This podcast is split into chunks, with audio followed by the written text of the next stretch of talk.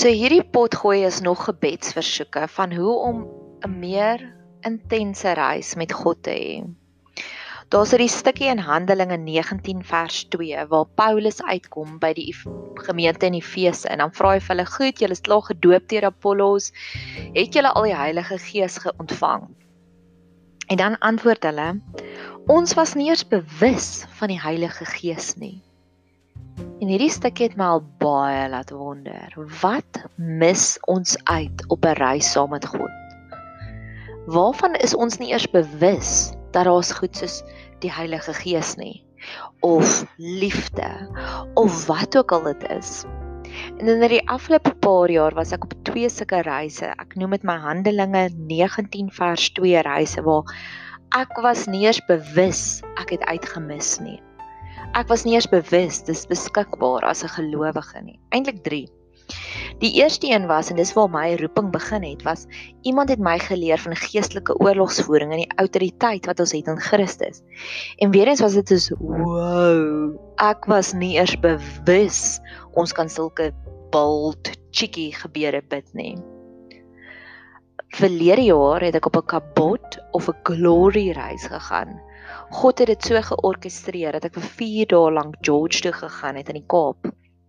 En ek het net voor dit het ek die woordjie kabot raak gelees. Waar daar was konflik in die kamp. Die 12 spioene het net teruggekom en 10 van die 12 spioene het gesê ons kan glad nie in hierdie Kanaan gaan nie. Ons kan glad nie in hierdie beloofde land gaan nie. En Caleb en Joshua het gesê maar ons kan. En op 'n stadium het die mense hierdie klippe begin optel gereed om vir Joshua en Caleb te stenig. En die stukkie sê net in the glory of God came upon the camp and there was peace. En as jy gaan kyk wat is daardie glory in Hebreëus is dit kabot en die glorie van God, die heerlikheid van God het oor die kamp gekom en ewe skielik was daar vrede. En ek het op daai stadium net voordat ek George toe was, het ek gesê Here, wat is hierdie kabot? Wat het gebeur? Was dit 'n 'n wolk wat oorgekom het? Was dit engele wat daar gestaan het? Wat was dit die glorie? En of wat was dit die heerlikheid? En 'n paar dae later het ek gevlieg George toe en dit was asof die Here die hele tyd met my gepraat het en hy het vir my verskillende dimensies gewys van sy glorie. Ek het wysheid gekry. Ons het gaan staan en gaan kyk waar's Ernie Elsa huis in 'n klein dorpie wat ek nie nou sy naam kan onthou nie. En die huis was gebou op 'n klip en die Here het vir my openbaar maar hoeveel verhoudings het ek al gehad wat op sand gebou is en ek het soveel wysheid daar gekry of daar was 'n klein dogtertjie en ek het 'n hele video reeks gemaak oor my ek noem dit oesters afrodisiaks en dans op stofpaaie maar daai hele paar dae in die Kaap was regtig vir vir my 'n kabot reis. Daar was 'n klein dogtertjie by Jakkals Vlei, sy was omtrent so 2 of 3 jaar oud en sy het die hele tyd om ons gehardloop. En um want dit was in dit was nie in 'n piek seisoen nie. So ons was dit was omtrent net ons en die familietjie wat daar gesit het by Jakkals Vlei en ons het die lekkerste tasting platter geëet met wyn. Ag, oh, dit was te wyn. En die klein dogtertjie het om ons gehardloop en ewe skielik toe gaan die klein dogtertjie en sy sy letterlik soos 'n arend so om ons gesirkel. Eers groot sirkeltjies en toe word dit al hoe kleiner en kleiner en kleiner en ewe skielik toe stop sy en toe duik sy in my handsak in en dit was my girly tyd ook nog so ek het bokstampons daar gehad. En gelukkig het sy nie dit gegryp nie want andersins sou ek regtig een van daai oomblikke gehad het van aarde sluk my in. En sy gryp my notaboekie en dan sy hardloop al gegilind weg. Toe sê ek vir die pa lag toe nou die pa bring haar terug en sê gee die notaboekie terug. En ek het 'n pakkie sweeties ook in my handsak gehad en ek sê vir haar ek ruil jou een sweetie vir my notaboekie en sy vat en sy hou haar klein handjie uit en ek sit een sweetie daar en sy maak die handjie toe en ewe skielik besef sy maar sy die ander handjie ook palms oop hou, kan ek nog 'n sweetie daarin sit. En toe staan sy net met twee two faces en twee sweeties. En sy besef toe nou na 'n 2-jarige logika brein, as sy een sweetie vinnig aan haar mond inprop en weer die oop palmpie gee, dan gaan ek nog 'n sweetie daar gee. En sy doen dit nou en ek sit nou daar gesweet hier daar en ons almal lag nie want dit is amper Einstein wysheid hoe hierdie kind net vinnig gou kan manipuleer om nog meer sweeties te kry. En daai oomblik voel dit vir my asof die Here vir my sê Nadia net soos hierdie klein dogtertjie onbeskaamd voor jou staan en net nog meer sweeties wil hê. So wil ek hê moet julle ook so onbeskaamd voor my staan. Ek wil vir jou nog meer wys van my kabot. En dit was 'n fantastiese 4 dae want dit was die heeltyd asof daar net die heeltyd hierdie hierdie kabot wolk, hierdie heerlikheidswolk op ons was. Een van my gunsteling films van alle tye is Pad na jou hart. En net oor verskeie redes. Dis die mooiste musiek wat daar is, daar's die mooiste natuurtonele. Ek is mal oor enige film wat 'n dieper betekenis het.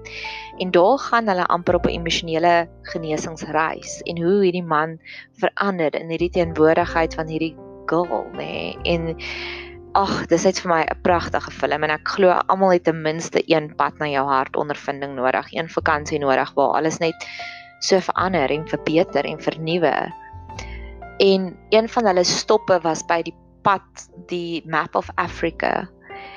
En op daai stadium het ek nie geweet dat die Map of Africa is daarna waar in George nie en ons het die mooiste foto's daar geneem en ek kan onthou op daai oomblik was dit so wow Here, U weet hoe lief is ek vir die film Pad na jou hart en dis een van die mooiste tonele is daar waar hulle daai foto neem.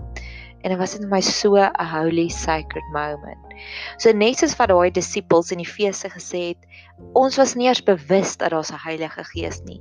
So het ek nie tot en met verlede jaar Junie maand besef dat daar is iets soos kabot nie. En God wil dit net soos daai klein dogtertjie wat in sweetie inpop en ons gee weer ons handjie uit. So wil God ook hê ons moet net wees voor hom en ons moet vra vir die Heilige Gees. Ons moet vra vir kabot. Daar's 'n pragtige stukkie in 2 Kronieke 16 vers 9 waar dit staan: "Want die Here, sy oë deurloop die hele aarde om diegene kragtig te steun wie se hart onverdeeld op hom gerig is." Hoe mooi is dit? Heeldag loop God se oë deur die aarde en hy soek net wie's die klein dogtertjies wat hulle hande uitsteek en sê nog, ek wil nog hê, ek wil nog 'n sweetie hê. En net soos wat daai mense gesê het, ek was nie eens bewus dat daar 'n Heilige Gees nie. So het ek gevoel na my kabot reis om te sê, ek was nie eens bewus dat daar is kabot nie. Mag ons net daagliks meer en meer kabot sien, God se heerlikheid sien oral rondom ons. Nog een van my, ek was nie eens bewus van die Heilige Gees reis nie, was ek is in hierdie fantastiese vriendekring en ons is 9 vriendinne. En elkeen dien of 'n minister vir mekaar, bedien mekaar. Ons is in 'n ministry vir mekaar om net vir mekaar ons eie unieke liefde te wys. En ons kom elke donderdag aand by mekaar, dan drink ons 'n vinnige wyntjie en ons eet lekker en ons vertel mekaar alles wat in die week aangebeur het. En dan op Vrydagoggend het ek hierdie fantastiese geleentheid om 'n vinnige die brief briefie te skryf om te sê sterkte vir die wat sterkte nodig het en dankie vir die wat iets spesiaals gedoen het vir ons hierdie week. En om te sê dit was so mooi dit wat jy daar gesê het. Ek doen so refleksie. En ek kan eerlikwaar sê ek het nog nooit in my lewe soveel liefde gevoel soos ek in hierdie groep vriendinne voel nie. En net soos hulle sê soos die gemeente in Efese gesê het ek was nie eens bewus van die Heilige Gees nie. So kan ek sê ek was nie eens bewus van hierdie agape liefde wat God vir ons wil gee nie.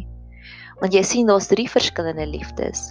Daar's die filiale liefde, die platoniese liefde, dan is daar die eros liefde, die romantiese liefde en dan is daar die agape liefde, die goddelike liefde, die liefde wat jou kan transformeer, die liefde wat meer waarde in jou kan insit. En dis wat ek hier gevind het. Ek was nie eens bewus dat daar soos daai agape liefde nie. Dit voel asof al die liefde wat ek voor DMW in my lewe gehad het, dit dit match nie. Dit was fake. En vir die eerste keer het ek die regte koelheid gedrink en dit proe goed. So waarvan wil jy meer hê? Waarvan is jy nie eers bewus nie? Dalk moet die Here dit vir jou kom openbaar. Dalk het jy Paulus oomblik nodig waar Paulus vir jou sê, "Het jy al dit gehad?" En dan sê jy, "Maar ek was nie eers bewus daarvan nie." Mag ons net meer en meer op sulke avonture gaan saam met God. Ek het nou in die week het ek hierdie boek gelees, die relationship boek van Matt Bird, waar hy vertel dat om in God se wil te lewe is nie dis nie 'n tight rope nie. dit is 'n hele avontuurpark en ek wil regtig waar subscribe vir daai avontuurpark. Want net soos wat ek net op 'n kabot journey was en op 'n liefdes journey was, glo ek daar's soveel meer ander ritte. Daar's 'n Ferris wheel, daar's 'n roller coaster, daar is 'n spookhuis, daar is soveel verskillende ritte. Mag ons in daai avontuurpark gaan rondspeel. En dan die ander stukkie wat ek ook wil lees is in Matteus 11 vers 19. So laat ek gou so intoe blaai. Was vir die fariseërs gesê het van Jesus. En hulle sê die seun van die mens, Jesus nou, het gekom. Hy eet en hy drink en hulle sê daar is 'n mens wat 'n vraat en 'n wynsuiper is, 'n vriend van die tollenaars en sondaars. Hierdie stukkie draai en spook en kolk in my kop vir 'n hele paar weke. Wat ek voel dis wat ons ek glo dat dit is ons roeping. Net soos wat Jesus want people don't care how much you know until they know how much you care.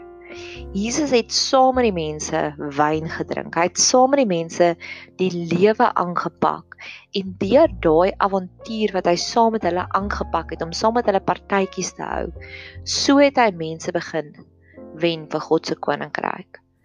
En baie kere dink ek ons probeer te bedien deur om mense na ons gelykvormig te maak om te sê kom saam my kerk doen. Dis 'n baie goeie ding om te sê kom saam my kerk doen, maar people don't know how much you care People don't care how much you know until they know how much you care. Mag ons in Jesus se voetstappe loop wat eerste vriende wil maak en dan vir mense probeer te evangeliseer. In plaas daarvan om cold calling te doen en net vir almal te preek rondom ons. Mag ons eerste vriende word en dis wat hierdie stukkie vir my sê. Hy het saam met hulle wyn gedrink. En hy het geweet wyn in oormaat is nie goed vir jou nie, maar Hy was eers hulle vriend en so deur sy vriendskap het hy meer en meer mense getrek na God toe. En baie kere dink ek baie mense lees mis of vergeet van hierdie stukkie. Waar as iemand my raad vra van hoe kan ek vir hierdie persoon bid of hoe kan ek hierdie persoon lei of wil ek eers sê my eerste raad is word eers hulle vriendin.